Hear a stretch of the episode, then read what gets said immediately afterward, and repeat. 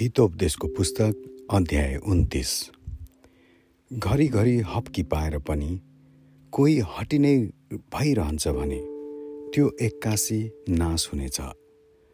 तर्किबै नरहने गरी धर्मी सप्रेमा मानिसहरू रमाउँछन्। दुष्टले शासन गर्दा मानिसहरू वेदनाले छटपटाउँछन्। बुद्धि प्रेम गर्ने मानिसले आफ्ना बुवालाई खुसी तुल्याउँछ। तर वेश्यहरूको सङ्गत गर्नेले आफ्नो सम्पत्ति बेकाममा उडाउँछ। न्याय कायम गर्ने राजाले देशलाई स्थायित्व दिन्छ तर घुसको लोभ गर्नेले मुलुकलाई सर्वनाश गर्छ।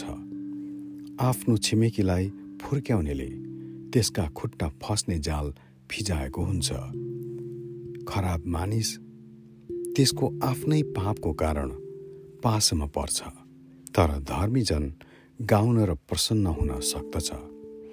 धर्मात्माले गरिबको न्यायबारे हेरविचार गर्छ तर दुष्टले चाहिँ त्यसबारे सरोकार नै राख्दैन। खिल्ली उडाउनेले सहरभरि हल्ला मचाउँछ तर बुद्धिमान मानिसले क्रोधलाई पर पन्साउँछ बुद्धिमान मानिस मूर्खसँगै अदालतमा गयो भने मूर्ख झोक्किन्छ र गिल्ला गर्छ। त्यसैले त्यहाँ मिलाप हुँदैन। रक्तपात गर्ने मानिसहरू इमान्दार व्यक्तिलाई घृणा गर्छन् र इमान्दारीसँग चल्नेलाई मार्न खोज्छन्।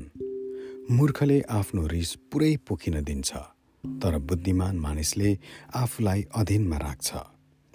शासकले झुटा कुराहरू सुन्छ भने तिनका सम्पूर्ण अधिकारीहरू दुष्ट बन्छन्। गरिब मानिस र अत्याचारीमा यो कुरो समान छ। परमप्रभुले तिनीहरू दुवैका आँखालाई दृष्टि दिनुहुन्छ। यदि राजाले ठिकसँग गरिबको न्याय गर्छ भने तिनको सिंहासन सदैव सुरक्षित रहनेछ। सुधारको छडीले बुद्धि प्रदान गर्छ तर छाडा छाडेको छोरोले आफ्नी आमाको बेइजत गर्छ। जब दुष्ट फस्टाउन थाल्छ पाप पनि फस्टिँदै जान्छ। तर धर्मीले तिनीहरूको पतन देख्नेछ। आफ्नो छोरालाई ताड्न दे र त्यसले तँलाई शान्ति दिन्छ। त्यसले तेरो प्राणमा अति आनन्द ल्याउनेछ। जहाँ दर्शन प्रकाश छैन त्यहाँ मानिसहरू भाँडिन्छन्। तर त्यो मानिस धन्य हो जसले व्यवस्था पालन गर्छ। कुराले मात्रै नोकरलाई सुधार्न सकिँदैन। त्यसले बुझे तापनि जवाफ दिँदैन। हतारिएर बोल्ने मानिस त देख्छस्। त्यसको भन्दा त एउटा मूर्खको निम्ति धेरै आशा हुन्छ।